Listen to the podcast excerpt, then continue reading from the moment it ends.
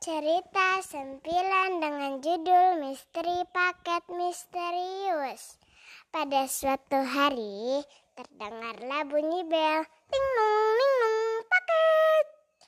Nayada pun membuka pintu. Dia tidak melihat orang sama sekali.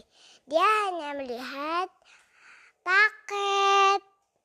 Dia membawa masuk ke kamarnya. Terus dia kasih bubuk bubuk bubuk bubuk bubuk sidik jari. Pas dilihat, oh mungkin ini kurang pas. Coba lagi yang satu lagi. Ah ada. Ternyata sidik jarinya sidik jari Mas Pion. Dan di situ ada tulisan Cintailah peluduk-peluduk di negeri. Terus pas dia buka,